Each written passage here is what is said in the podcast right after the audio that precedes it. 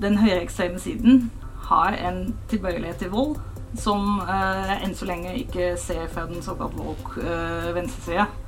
Hva kjennetegner det nye ytre høyre i politikken? Karline Trump har skrevet bok om temaet og var gjest på kapittel i 2022. Hun blir intervjuet av journalist Jan Zahl fra Stavanger Aftenblad. Karline Trump det er jo ikke, eh, det er ikke sånn veldig vanlig navn i Stavanger sentrum.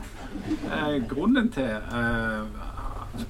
jeg vet ikke grunnen er til at hun heter Karline Trump, men, men, noe av forklaringen er at hun er født og oppvokst i Nederland, altså i Hilfersum i, i Nederland, men kom til Norge i 2006. Og jeg har lest i en bildetekst at det hadde med at hun var så fascinert av norske band som Madrugada og Keisers Orchestra.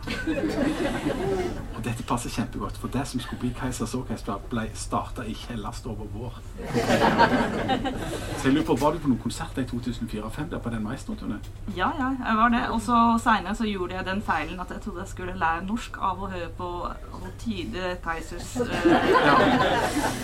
tekstene. Det gjorde ting veldig vanskelig for meg. Ja. Men, øh, ja, men det, det, er bra. Da kan, da kan jeg si at da har vi vært på samme konsert eh, i Holland. Ja. Og jeg var med der og skrev en bok om som var basert på den, akkurat den turneen. Det er ikke det vi skal snakke om i dag. Ja. Vi skal snakke om framveksten av eh, det nye ytre høyre. Eh, I og med at det står i tittelen at det handler om det ja, ja, det, Nei, det står det ikke. Det står det ytre altså. Det har faktisk skjedd en merkelig glipp i undertittelen av boka, for det skulle vært det nye ytre høyre, men det står bare det ytre høyre. Ja. Men det, det illustrerer egentlig et poeng, fordi det jeg skriver om i boka, er jo også at dette er egentlig litt mer av det samme i nye, ny innpakning. Ja. Så, så nytt er det ikke. Nei. Men for å starte litt i sånn definisjonsenden her. Hva er ytre høyre? Er det én ting, eller er det flere ting? Nei, det er jo et slags uh, paraplybegrep uh, som spenner over I hvert fall i denne boka så spenner det over både politiske partier, uh, bevegelser, miljøer og folk. og også en del som kanskje ikke selv ville kalt seg selv ytre høyre, fordi det er det veldig få som gjør. De kan ofte beskrive seg selv som eh, konservative eller eh, hva skal man si, nasjonalistiske eller nasjonalt orienterte. Eh, folkets røst. Eh, de eneste fornuftige, osv. Men eh, nei, altså, i, en mer sånn politisk sammenheng så pleier man å skille mellom høyreradikale og høyreekstreme eh, grupper. Og de første er da liksom partier som står på ytterste høyre av det politiske spekteret, men som bruker, altså de er imot systemet vi har i dag, men de vil bruke demokratiske midler for å endre det. Så de vil f.eks. Eh, bli valgt med et parti, som f.eks. Sverigedemokraterna gjorde nå, for så å begrense rettighetene til en del av borgerne, som jeg vil si er en nokså udemokratisk ting å gjøre. Uh, og så har man da høyere ekstreme, som er de som vil sprenge systemet utenfra. Så det, det, er liksom det man tenker på når man snakker om ytre høyre, er jo ofte sånn type nazister, eh, nynazister som marsjerer gjennom gatene med, med vimpler og uniformer og sånn type ting. Det er jo høyreekstremt. Men det fins også en del andre former eh, for høyreekstremisme, og er særlig som har oppstått på nett, som er sånn eh, internasjonale bevegelser, eller miljøer, kan man kanskje heller si, eh, som ikke har medlemskap de har ikke ofte veldig klare ledere. De har ikke noe prinsipprogram, men de, de, står for et eller annet. Det er liksom en, eh, en type bevegelse, da.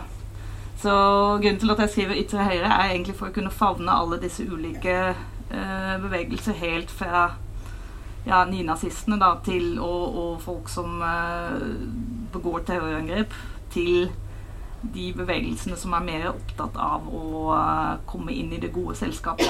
Ja. Så du skiller på en måte mellom de som vil uh, oppnå makt eller få gjennomført ting gjennom valg, og de som vil oppnå ting gjennom vold? Ja.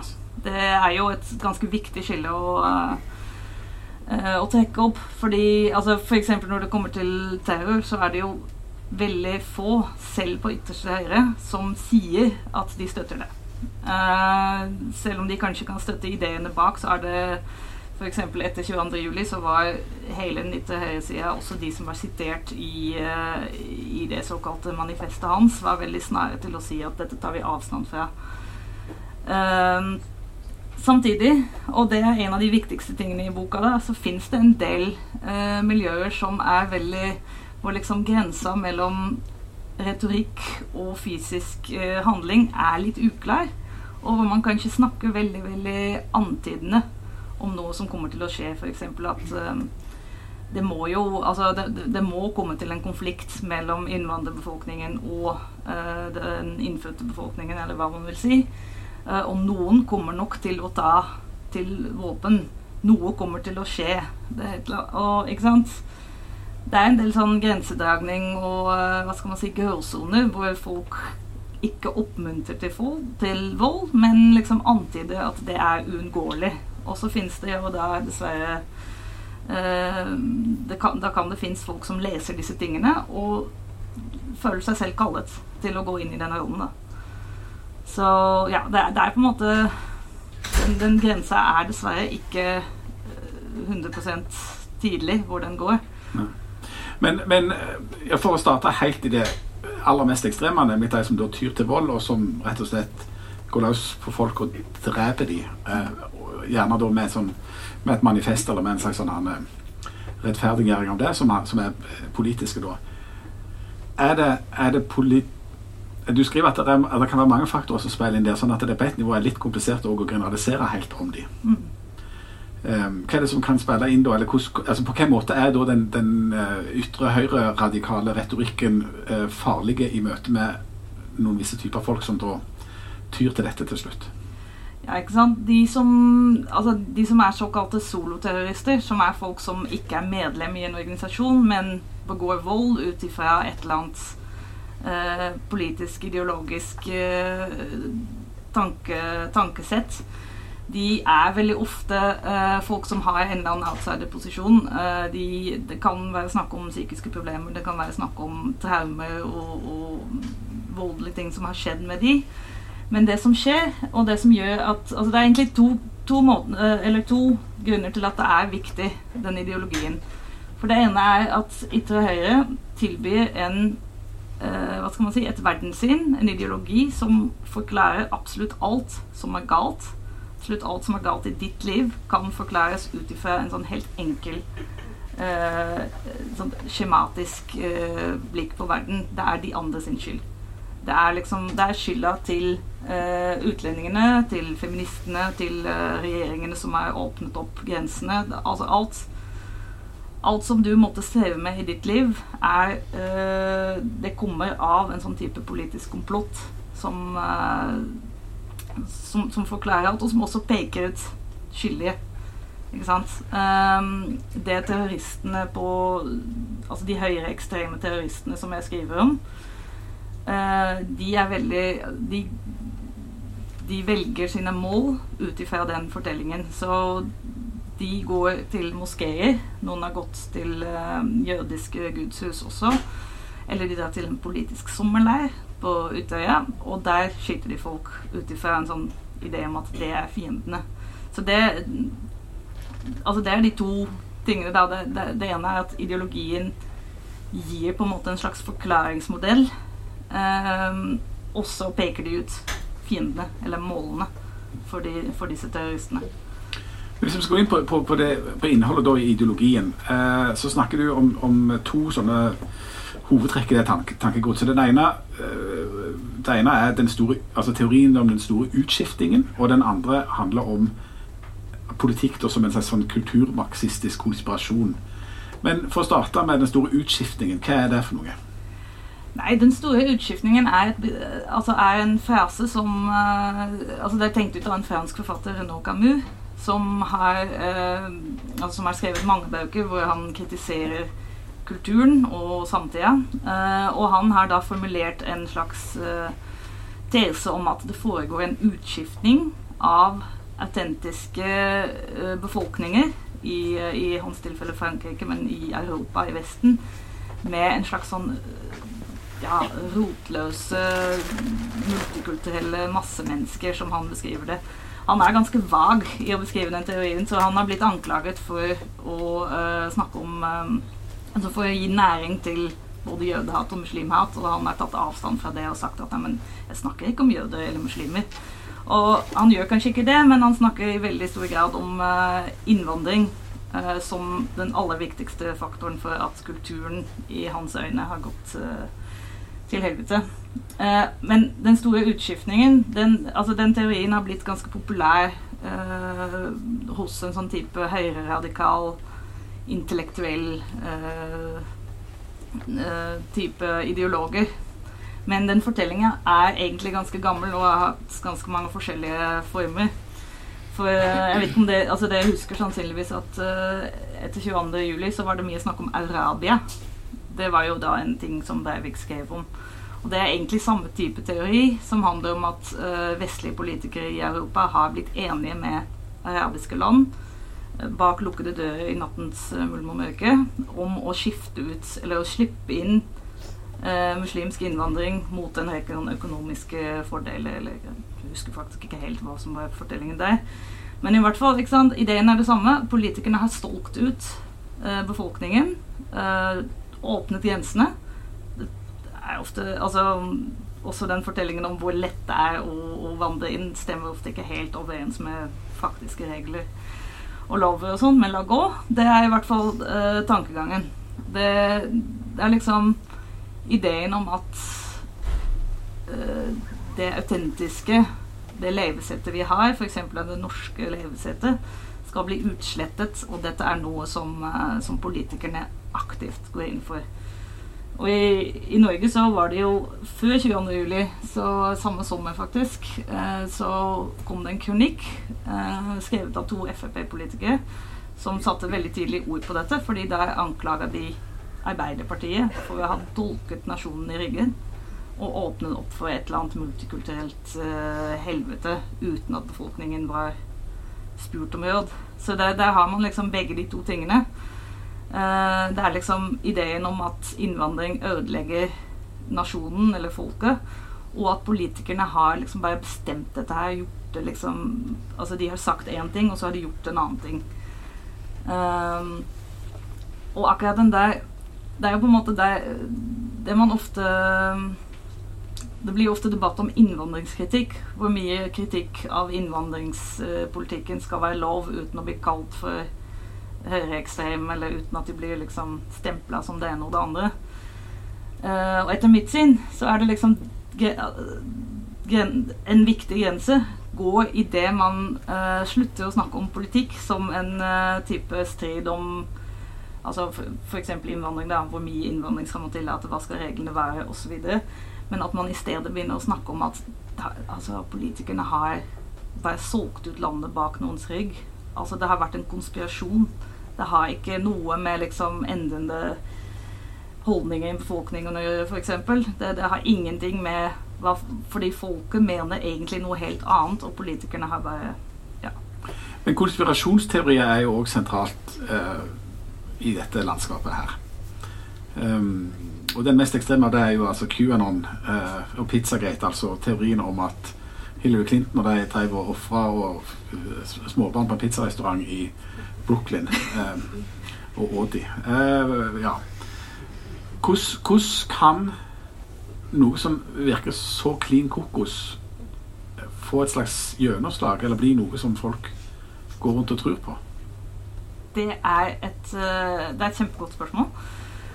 Det jeg tror det handler i veldig stor grad altså nå, Den Pizzagate-teorien er kanskje en av de mest outrerte uh, konspirasjonsteoriene som uh, altså som gikk sin seiersgang på nettet i 2016, uh, rett før det valget i, i, USA, og ble spredt veldig mye av sånn type internettroll og og også for så vidt sånne trollfabrikker, som vi kanskje skal snakke om uh, seinere. Men nei, jeg tror det handler veldig mye om uh, en slags grunnleggende mistillit til det politiske systemet, som i USA er veldig mye dypere. Altså den mistilliten, den, den er mye eldre og mye dypere enn den er her. Den, altså, USA har jo en veldig lang tradisjon for antistatlig uh, tenkning. Uh, og frykt for at politikerne skal komme og ta fra folk uh, ja, særlig våpen, men også andre friheter som de har. Uh, og når det oppstår liksom autorerte fortellinger om hva politikerne finner på, så tror jeg det er altså det faller bare i veldig fruktbar jord hos folk som kanskje altså Det er jo ikke sikkert at alle som sprer disse fortellingene, he tror helt på det heller. Eh, det er kanskje ikke så farlig heller. Det handler om at man veit at noe er gærent. Og så, ikke sant, for, for mange på høyresida så handler det jo da om å spre en sånn tvil eller delegitimere den politiske motstanderen. Eh, det spiller jo ingen rolle om f.eks. Donald Trump selv personlig tror på at det fins sånn pedofil, eh, et, pedofilt nettverk hos demokratene. Men det handler liksom om å få, uh, få makt. Men for andre så For en del av velgere så tror jeg det rett og slett handler om at man har en følelse av at politikerne driver med mye som ikke er bra. Og uansett hvor autorert fortellingen er, så hvis den kan passe inn i det, så, så kan man liksom få oppslutning for det. da.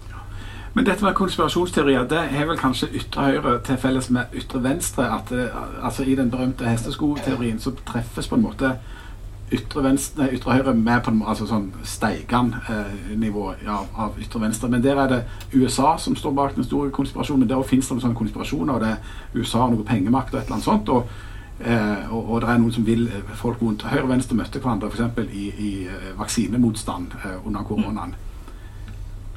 Kan du si noe, altså er, er, dette med konspirasjon, eller den måten å tenke på og, som konspiratorisk om, om ting, er det en ting som er felles for høyre og venstre, hvis du bare kommer langt nok ut? Ja, altså jeg må jo bare si først at jeg er litt skeptisk til hesteskoteorien. Uh, for den brukes ofte av folk i mer sånn sentrumspartier for å liksom slå f.eks. Rødt i hardkorn med Frp og bare si sånn Å, se, de er liksom like gærne på begge sider. Er det ikke det? Altså, det som, er, det som mangler i hesteskoteorien, er en manglende analyse av hvordan disse partiene kommer fram til sine ulike svar. da. Og der eh, en, Altså, man kan Altså, ja man kan jo si at f.eks. Uh, eh, en av de tingene hvor det var mest interessant å se ytre høyre og ytre venstre til en viss grad komme sammen, det var jo det der vaksine, vaksinemotstanden og ideen om pandemien. Uh, jeg var selv jeg var i Tyskland nå i sommer, uh, og da bare skulle vi sjekke inn i et hotell i Bamberg, en sånn liten by i øst, tidligere Øst-Tyskland. og da kom det plutselig forbi en, et demonstrasjonstog som jeg ikke klarte å plassere helt. Altså Vanligvis når man ser et demonstrasjonstog, så skjønner man omtrent om det er eh, et, et, et slags eh, fred, om det er fredsbevegelsen eller om det er uh, nazister, på en måte. Men her var det en veldig underlig blanding av det jeg assosierer med venstresidas, uh, for meg i hvert fall veldig mye hyggeligere demonstrasjonstog og en del sånn uh, ganske grimt utseende mannfolk som jeg ikke klarte å plassere på noe som helst måte. Du kunne iallfall ikke vært på venstresida. Altså, de kunne jo det. Altså, jo, jo, men altså Men, men i hvert fall mannfolk, det ja. Altså, ja, nå har jeg avslørt meg selv som en sånn type mannehatende kulturmarxist med en gang. Det er like greit å ha Nei da, men, men, du skjønner hva jeg mener. Ja, ja. Da var det faktisk en, en type blanding eh, av Ja, hva skal man si sånn type hippieaktige grupper på, uh, på ytre venstresida i Tyskland som har vært veldig skeptiske til f.eks. Det, det man kaller for big pharma, altså legemiddelselskapene, som har vært skeptiske til globalisering og Bill Gates og alt mulig, som da hadde slått seg sammen med Uh, en del ganske åpent uh, anti... Altså høyreradikale grupper, i det minste. Altså, jeg, jeg fikk ikke analysert dette demonstrasjonstoget uh, grundig mens jeg sto der og bare Men, men så, så, det fins absolutt sånne, sånne saker hvor folk går sammen og finner hverandre i en sånn skepsis og, og protest mot det man da ser på som en undertrykkende stat, f.eks. Mm.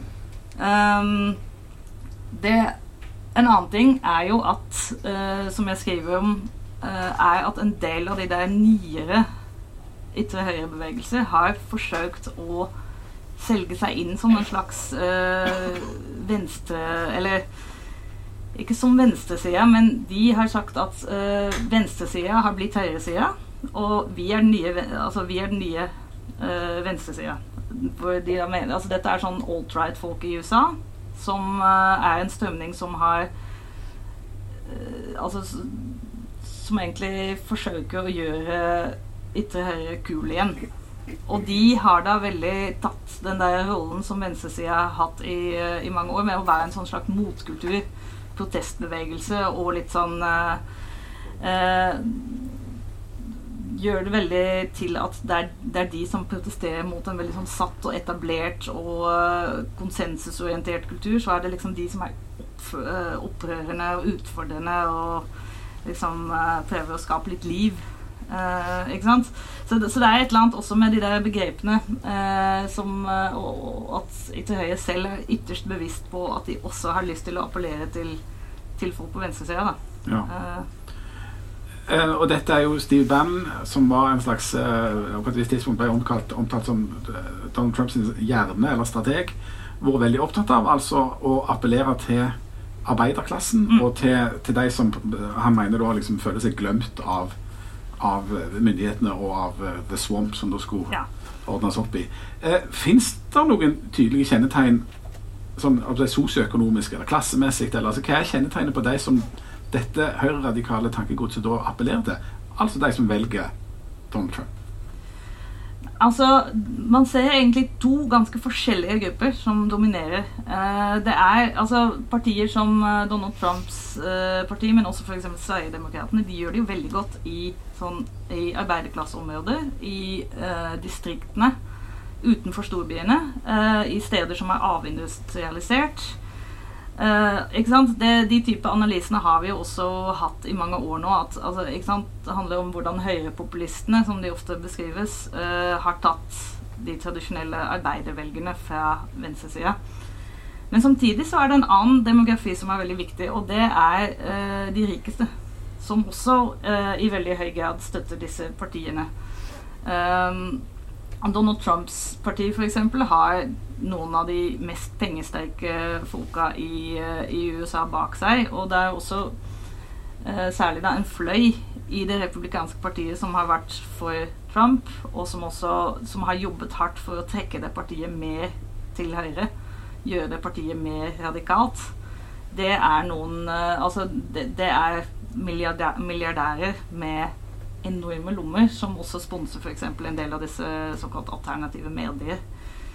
Eh, og det som ofte det, det, som er interessant da, og litt skummelt, er jo at ytre høyre ofte fremstilles som en sånn type grasrotbevegelse, eller i hvert fall en, eh, en bevegelse som, som engasjerer folk, uh, folk flest, da, for å bruke FrPs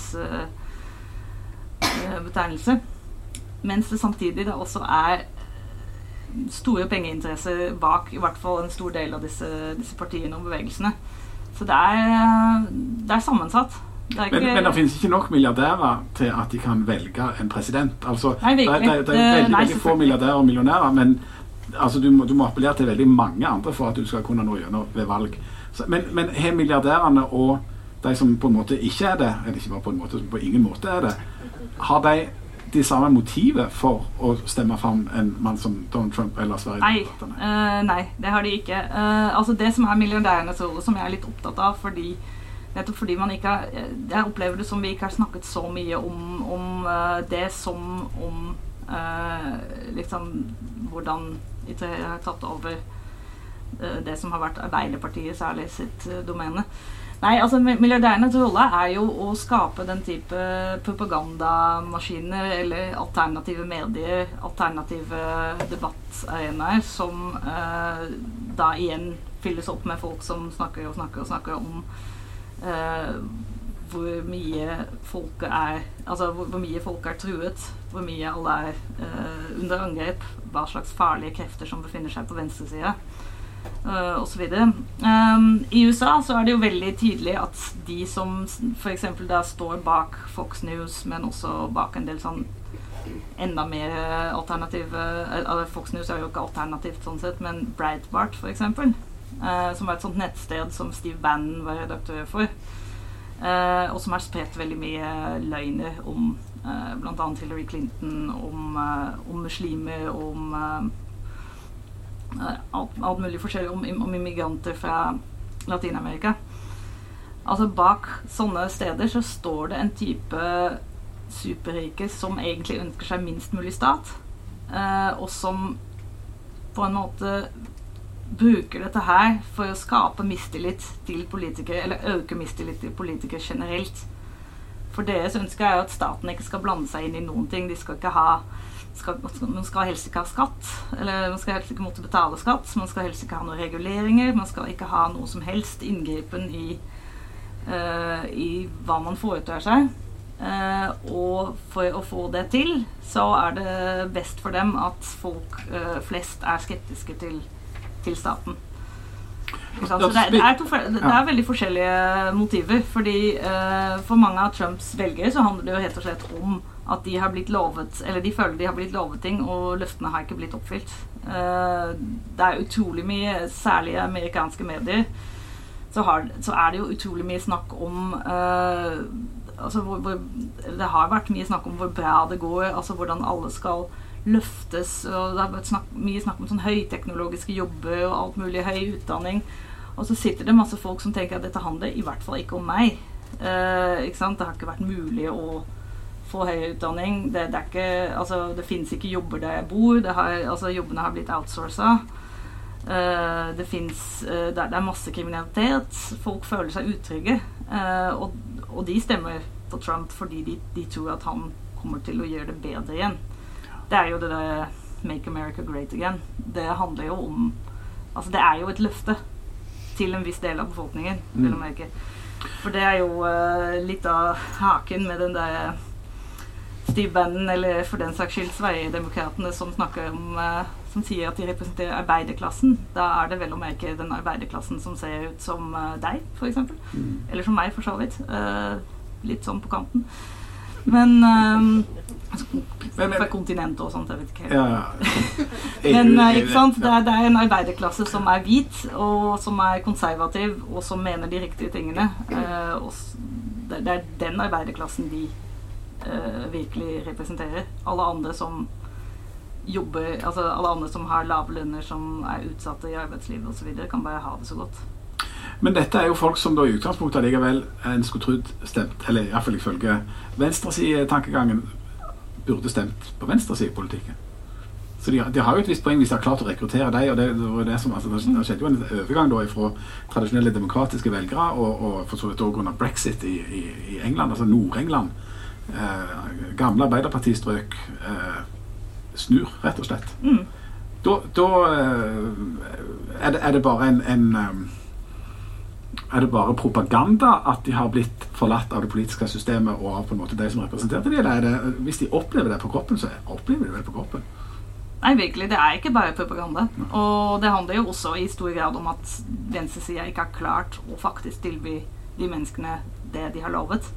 Uh, og i noen tilfeller også har forlatt de stedene og heller konsentrert seg på, uh, på storbyene på å skaffe velgere der fordi det er lettere. Um, så nei da. Det, altså, det, er ikke sånn at det er en, en det, det, er ikke en uh, høyreradikal komplott at Nei, altså det, det, fins mange grunner til at dette appellerer til folk. Og jeg tror den viktigste og den dypeste grunnen er at de appellerer til en frykt som kanskje alle har. Og det er den frykten å bli uh, gjort overflødig, bytta ut uh, med noe. Altså den fortellingen om den store utskiftningen, den handler jo eh, fra Ytre Høyre sin side. Det handler om innvandring. Det er innvandringsfiendtlighet. Men det appellerer også til en sånn type hva skal man si, sånn frykt for framtida generelt. Uh, ideen om at man ikke helt henger med lenger. Man ikke helt skjønner hvordan man skal snakke, hvordan man skal være. At det har kommet liksom noen nye og andre, om at man, man kanskje har mistet litt grep. Og den, den frykten tror jeg er uh, Altså, de, bortsett fra de aller mest sånn teknologioptimistiske type Elon Musk-typer, så tror jeg alle kjenner på den frykten. At det man har, det man liksom, den tryggheten man har, den kulturen man har, den, det man tror man kjenner, at det skal bli borte.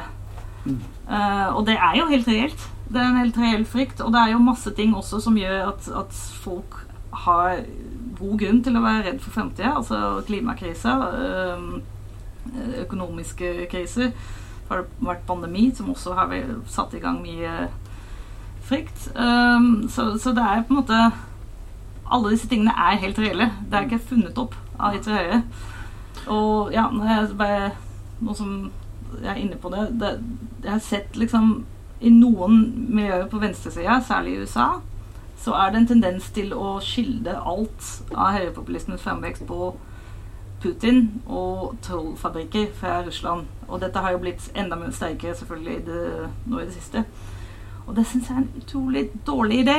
Fordi da bare fraskriver man seg alt ansvar for helt reelle problemer som folk står i, også i, i Vesten, også i Norge. Altså, det står jo liksom folk i kjempelange køer foran Fattighuset. Det er ikke Putin sin skyld at de står der. Men øh, selv om man liksom kan øh, og også ser at, at, Russland helt bevisst har spilt på disse, disse fiendebildene og disse splittelsene mm. i vestlige samfunn. Men har ikke funnet dem opp. Nei. Ok, Hvis du ikke kjøper helt den der hesteskoteorien om at, som altså handler om at Høyre og, og Venstre hvis du bare kommer langt nok ut, så går de opp og møtes, egentlig. Eh, en annen måte å diskutere eh, høyre-venstre på er jo da å snakke om det motsatte, nemlig polarisering. Altså at det blir mer ekstremt i Altså at de høyreekstreme blir mer ekstreme. Eh, noe av, av eh, eh, altså, og nå, nå, har du snakket en del om kroner og øre, om sånn, altså, sånn si, eh, materielle vilkår, nærmest. sant? Men, men en annen side av det handler jo om det som har blitt ei veldig ynda skyteskive for høyresida, eh, ikke minst i USA, så handler om sånn identitetspolitikk og om altså at, eh, at eh, en beskylder på en måte venstresida for å ha, ha blitt mer ekstrem. Den nevnte Elon Musk starta jo som demokrat, men sier at han nå er republikaner. Ikke fordi han sjøl har flytta seg, men fordi venstresida, eller de liberale, har flytta seg i ekstrem retning. Og Det handler, vel, det handler jo ikke om kroner og øre, men det handler vel om, sånn, om altså konservatisme rundt sånn verdier. og Det kan handle om, om, om kjønn og, og, og, feminisme, og om seksuell identitet og identitetspolitikk og, og Black Lives Matter og i, i det hele tatt. Eh, men her inngår jo vel på en måte høyreside og venstreside i en slags sånn dialektikk, rett og slett, der de, der de peker gjensidig på hverandre og blir mer ekstreme. Virker det òg mer mobiliserende? Ja, altså jeg er litt usikker på om det er sånn at be, altså, begge sider går absolutt inn i en sånn veldig til tider veldig skadelig dynamikk hvor man peker på hverandre og liksom bare Men jeg er litt usikker på om jeg er enig i at begge sider blir mer ekstreme. Fordi jeg vet ikke Altså, i boka så er det mange, mange eksempler på høyreekstrem vold. Eh, og drap og. Og jeg vet ikke om det, det, er ikke like lett å peke på Altså, man kan si mye om BLM og alt mulig, men de har ikke, det har ikke vært et eneste terrorangrep hvor en person har liksom motivert seg selv i BLM-ideologien og sprengt uh, en uh, Altså folk på en parkeringsplass eller en, uh, en, butikk eller en synagoge eller noe sånt noe. Så det er på en måte Jeg, jeg skjønner, altså hvis man ser på dette som først og fremst en kulturell Uh, type krigføring. Og hvis man er Kulturkrig? Ja, ja, ikke sant. Uh, hvis man er mye på sosiale medier, så kan det være veldig lett å, å, å få det inntrykket at begge sider er like ille. Um, men jeg er litt opptatt av å, gå, altså, å se på hva som er de faktiske resultatene av disse strømningenes uh, politikk, eller deres tankeganger i den virkelige verden. Og det er jo da at, uh, at en, altså, den høyreekstreme siden har en tilbøyelighet til vold som jeg enn så lenge ikke ser fra den såkalt woke uh, venstresida. Men du spurte om noe annet også. altså Dette var et langt spørsmål. Det var noe annet Beklager, det var mange spørsmål inni. Altså, Inntrykkteknisk ja, Det var et eller annet jeg hadde lyst til å svare stille ett spørsmål om gangen, og så stiller jeg mange, og da blir det forvirrende. ja, men det var noe der som jeg også ville svare på, skjønner du. Men nå må jeg bare få tak på hva det var. Um, jeg snakket og snakket og snakket. Nei, det var det der med, med backlash ja. mot uh, en del type Altså mot både kvinnefrigjøring feminisme, eh, antirasisme osv. Ja, og kjønnsidentitet. Altså kjønn, kjønnsidentitet. Ja, Absolutt. Ja. Som også seiler opp som en veldig viktig spørsmål for, både for Ytre Høyre og for mange andre i, uh, i den kulturkrigen. Altså Grunnen til at boka heter 'Kulturkrig', det, altså, det kan jo kanskje på en måte gi litt feil inntrykk, fordi det begrepet har faktisk blitt så mye mer utbredt bare de siste par årene at da jeg begynte å skrive dette her, så var det eh, fortsatt egentlig ganske lite brukt i Norge. Og da ble det stort sett brukt eh, Jeg søkte på eh, Retriever, og da, da, var det stort sett for å beskrive såkalt amerikanske tilstander. Uh, og de siste årene så har det jo blitt uh, tatt mer og mer i bruk. Uh, og, og, er nå egentlig sånn helt mainstream ord for å beskrive type sånn verdikamp da. mellom, mellom konservative og progressive, hvis du vil. Mm. Men det ordet har også en annen Altså det har jo på en måte et dobbeltbunn. Fordi det som er veldig viktig i denne boka, som jo ja, Den handler jo først og fremst om ytre høyre, ikke om de stridende partene eh, hver for seg, holdt jeg på å si. Og det som kjennetegner den type radikalisering som jeg beskriver, er også et veldig krigersk eh, språk og en veldig krigersk måte å se på verden på. Og se på med, medborgere i et samfunn på. Så kulturkrig handler også om at uh, Altså det handler både om sånn type krig om kulturen, og krig i kulturen. Fordi det skjer jo veldig mye på nett, på, gjennom uh, mediene. Uh, gjennom strid om lærebøker, f.eks. Uh, men det handler også om ideen om krig, som er veldig dominerende i disse sfærene som jeg har brukt mest tid på, da. Som er jo Ikke Høyres egne mediekanaler og ja, deres publikasjoner. Og der mener du at eh, disse mediekanalene eh, og sosiale medier i seg sjøl bidrar til den hardere tonen og til den radikaliseringa. Si litt om på en måte prosessen der, at du får at du havner der. Nei, altså det Det handler jo om eh, Hvor skal jeg begynne? Hvilken ende skal? Algoritmene kan du begynne på, eller disse lukka no, Nei, altså det, det som er Altså da fordi dette er på en måte også en mediehistorie, eller en slags fortelling om hva som skjedde med offentligheten vår eh, på 2000-tallet. Eh, og helt kort fortalt så skjedde det først en ting med at alle fikk mulighet til å publisere ting på nettet, f.eks. på blogger, eh, helt fritt, uten at en redaktør måtte være involvert der. Eh, som jo skapte enorme muligheter for veldig mange forskjellige typer eh, skribenter. Så fikk man også muligheten til å knytte sammen nettverk, eller liksom bli kjent med folk uh, over hele verden, basert på f.eks. Uh, eh, interesser. Altså hvis du hadde en interesse i uh, smal kasakhstansk poesi, så kunne du plutselig finne noen Altså bare for å ta et kapittelaktig eksempel, så kunne du plutselig finne noen andre som også var interessert i det, å snakke om det. Så nettet ga jo enorme muligheter for folk til å liksom finne sammen på godt og vondt. Um, det som da skjedde uh, på en måte når sosiale medier uh, kommer inn i bildet Altså i, i, det første steget så får man jo da Itter Høie får sine egne kanaler for å skrive skrive om sin, sitt verdensbilde. Det er jo Altså, da Breivik uh, gjorde terrorangrepet sitt, så siterte han jo omfattende fra en rekke blogger som han hadde lest på nett, og anførte det som liksom det viktigste for han uh, for å ha forstått hvordan verden egentlig hang sammen. eller noe sånt. Uh, og disse, ja, disse bloggene forma da også et slags nettverk. altså Folk kjente hverandre. Etter hvert begynte noen av dem også å møtes fysisk og prøvde å, å knytte nettverk inn i politiske partier, f.eks. Uh, men det som skjedde da sosiale medier ble liksom sånn allemannseie, var jo også at uh, type ekstreme aktører kunne bruke dem til å nå ut. Egentlig på akkurat sånn som du og jeg uh, bruker sosiale medier for å få Uh, få, få, liksom ut ordet. altså Du har kanskje skrevet en artikkel eller et eller annet, og så deler du det på Facebook, og så er det noen som kanskje deler det videre.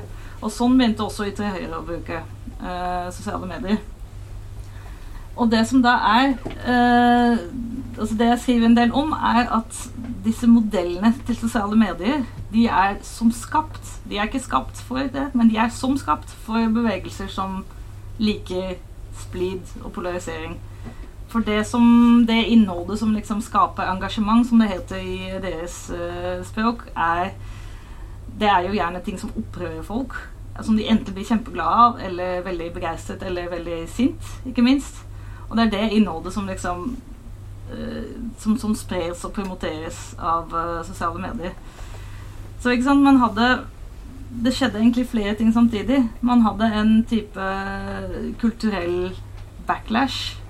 Uh, folk på ytterste høyre begynte å tenke på kan vi på en eller annen måte gjøre noe annet enn å trekke i slagstøvler og barbere hodet og gå i gatene, fordi alle skjønner jo at det er litt der. Kan vi på en eller annen måte få et, bedre, et bredere publikum? Uh, og samtidig så, uh, så, så, så, fikk de da den, denne muligheten til å ja, til å skape en sånn slags lik og del høyreekstremisme. Mm. Eh, nå vandrer jeg liksom sånn langt ut, i, ut på vidden, holdt jeg på å si, men hva, hva, hva, Det kan ende i kaninhuller, da. Mm? Det kan ende i kaninhull. ja. ja. ikke sant. Fordi det er jo en av de tingene som sosiale medier eh, gjør, eller i hvert fall Det er veldig vanskelig å forske på sosiale medier. Uh, det er mange som har prøvd å forske f.eks. For på sånn ekkokammereffekt. Uh, det som gjør det vanskelig, er at sosiale medier har da disse algoritmene som de bestemmer hva du får opp eh, på sosiale medier. De er, eh, altså, de er veldig hemmelighetsfulle om hva, hvordan disse funker pga. sånn forretningshemmeligheter. og de endrer dem også hele tida. Eh, de tilpasser dem alt etter hva som blir teknologisk mulig, eller hva de ser funker best. Men en av de effektene er jo sånn Kaninhullet er jo uh, det, det, det kalles hvis um, F.eks. på YouTube man begynner å se på en video, så, man, så får man tips, anbefalte videoer. Og det har vært eh, altså det, det, har vært gjort noe forskning som tyder på at i noen land og i noen mediesfærer så er faktisk de tipsene De er liksom et hakk mer radikalt enn det du har sett på før. Uh, du, du, da, da, dyttes du rett og slett lenger og lenger inn i et eller annet uh, radikalt eller ekstremt politisk uh, landskap. Andre steder så får de bare liksom mer, mer, av det samme. Og du kan se for deg, Hvis du ser på videoer hvor det sitter folk og snakker om at den vestlige kulturen synger på siste vers. Det er like ved Altså, vi er like foran dommedag. Nå kommer det til å bli borgerkrig. Nå kommer det til å bli ditt og datt. Og du får det inn video etter video etter video etter video. Uh, det gjør noe med uh, Det gjør noe med deg. Som en som på en måte har brukt mye tid på dette selv, så kan jeg jo si at det påvirker en. Selv når man sitter og analyserer det og skal være liksom kjølig og alt mulig. Men og Da har vi kommet til en situasjon der det er veldig mange som, altså, som sympatiserer med en hel del av dette tankegodset, som gir seg utslag f.eks. i politiske valg. Altså Eh, Donald Trump ble valgt til president i 2016. Han ble ikke valgt i 2020, men han er den kandidaten i verdenshistorien i, i USA som har fått nest flest stemmer som kandidat. Eneste grunn til at han tapte, var fordi Joe Biden fikk flere stemmer. Det er aldri noen som har fått så mange stemmer som Joe Biden. Um, nettopp et valg i Sverige, der altså Sverigedemokraterna, som har nazistiske røtter, uh, blir nest største parti. Veldig stort, ikke minst blant de unge. av førstegangsvelgerne i Sverige så stemte 22% på Sverigedemokraterna og 26% på Moderaterna. Så, så um, ja. Um, og uh, i morgen så er det valg i Italia, der uh, Georgia Meloni og Italias brødre Nei, ja, Italias brødre ser ut til å vinne, altså høyresida. Uh, Femstjernersbevegelsen, Silvio Berlusconi, altså ganske langt ute til høyre. Um, ja, og så er det jo sånn at I et liberalt demokrati så er det jo sånn at folket velger sine egne ledere. Og her velger folket med åpne øyne folk som muligens vil gå til angrep på det liberale demokratiet, sånn som Trump gjorde i sine fire år. Er det altså, et paradoks, eller er det et dilemma? Eller, altså ja. Øh, det er i hvert fall et dilemma. Det, fordi man kan jo ikke Altså det, er, det, er, som du sier, at uh, de som stiller til valg, og som, som følger spillereglene, de, de, de, gjør jo det. Kan, det. er vanskelig å hindre dem i å gjøre nettopp det. Det, det, ja, det kalles jo for et diktatur. Ja, det, og det har jeg hørt er dårlige Jeg har hørt det. Men Nei, altså det som har vært et problem, er jo også at uh, media har vært litt i villrede i møte med disse kandidatene. Uh, man så det særlig nå, altså Jeg er fra Nederland, så jeg har fulgt med mye i nederlandsk politikk. Og der hadde vi uh, ganske tidlig ute den såkalte twitterkongen Geert Wilders i Frihetspartiet, som er da et, et høyreradikalt parti. Som uh, var veldig tidlig ute med å lage en sånn type politisk mediemodell hvor han slapp å forholde seg til kritiske spørsmål. For han bare tvitret ting.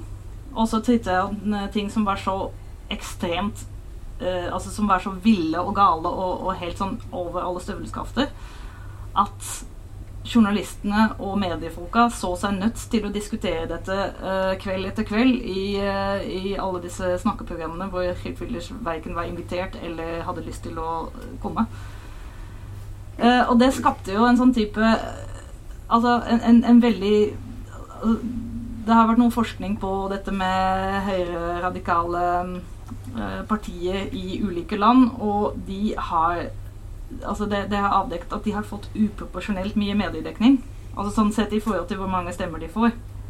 Uh, og det handler jo mye om det der med at uh, Det er uh, Altså for, det, det, er vanskelig å vite hvordan man skal dekke at noen kommer med forslag som er helt utenkelige. det er klart man må snakke om det, men ikke sant. Uh, det som er litt interessant, sånn apropos det der med å bli valgt inn, og så uh, kanskje avsløre uh, sin, uh, sine egentlige hensikter sånn etter hvert Altså fordi det, det, er en annen ting med dette, da, at, at det har vært mye diskusjon av altså de høyradikale partienes partiledernes utseende, hvor dumme de er, hvor rare de er, hvor mye skrivefeil de har i tweetene sine, alt mulig sånt.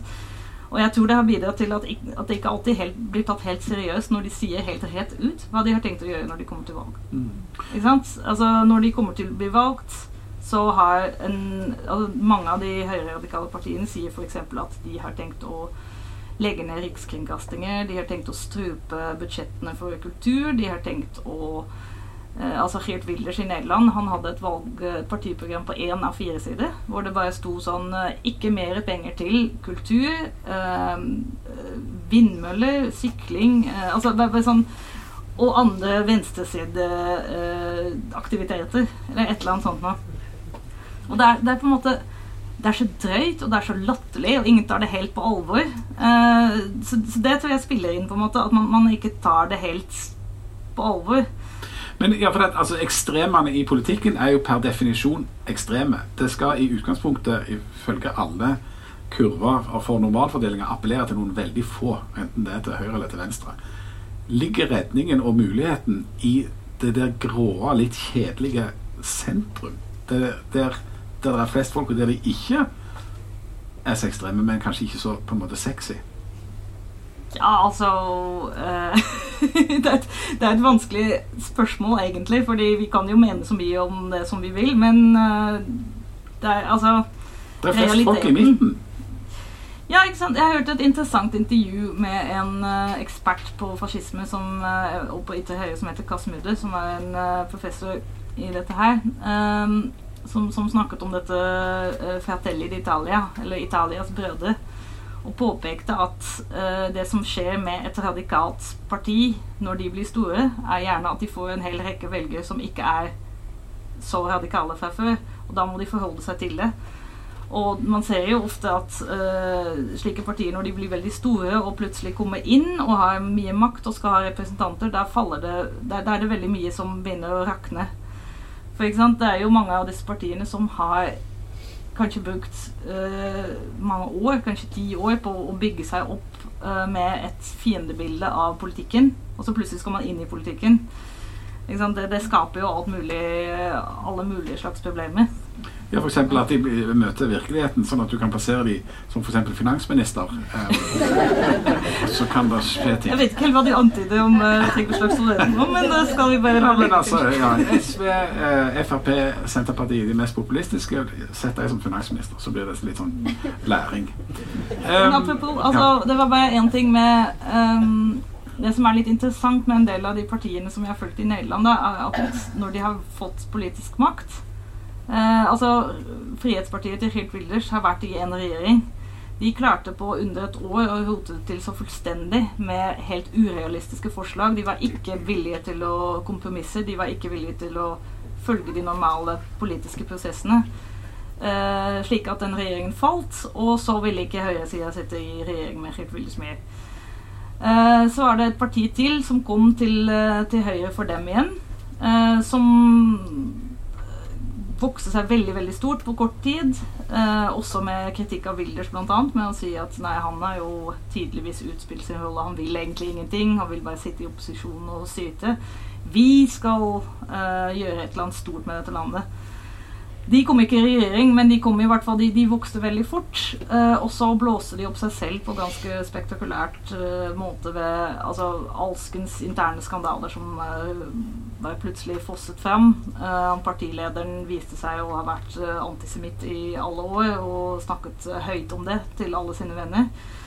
Ungdomspartiet viste seg å drive med nynazisme. Eh, han ble i tillegg sånn covid-skeptiker og ja, gikk inn for alt mulig. Så det partiet også det, det, hadde en sånn Det gikk sånn opp, og så gikk det sånn ned. Men og på en måte så kan man si ok, ja, men det er greit, da er avverget. Kanskje dette er bare en sånn type protestbevegelser som bare gir eh, form til en type ubehag, da, og så, så er de kanskje ikke så farlige i det politiske. Men det som skjer, er Altså det, det var bra hvis du stoppet det, for da avslutter vi litt sånn optimistisk. Men ja. nå skal vi ta det litt ned igjen. Ja, mm, altså, men akkurat med det partiet så er det faktisk altså det, det, kan leses som en sånn politisk rise and fall-bevegelse. altså Nesten en sånn typisk romanskikkelse. En person som, eller et parti som fikk hybris og bare brant seg helt. Men Og det er det litt alvorlige, da. At de har i sin i den perioden de har fått veldig mye oppmerksomhet og kommet inn i, uh, i parlamentet med sju representanter, klart å få i stand utrolig mye ugagn. De har både sabotert en del politiske prosesser. De har folk som er, nå da er folkevalgte, som sitter og hisser opp eh, baklandet og eh, legitimerer at det er greit å true og trakassere og kanskje gå til angrep på politikere, på journalister, på minoriteter. De har liksom skapt en sånn slags kulturell bevegelse som, som er der. Eh, og de har liksom på en måte strekt opp eh, det politiske landskapet litt i, i høyere retning. Så det, det, som før var helt uakseptabelt å si, har nå blitt en av mange ting man kan snakke om. Eh, ja, så det Ja, ok. Da ble, ja, det ikke så bra til slutt likevel. Nei. Det var litt dumt. Ja. ja. sånn er det. Da blir det spennende å se hvordan det går i Italia i morgen. Eh, vi har allerede brukt opp tid og vel så det. Så takk til Karoline Trump. Eh, takk til dere som kom. Og så eh, er ikke kapittelet på noen måte slutt, så dere får finne noe annet å gå på.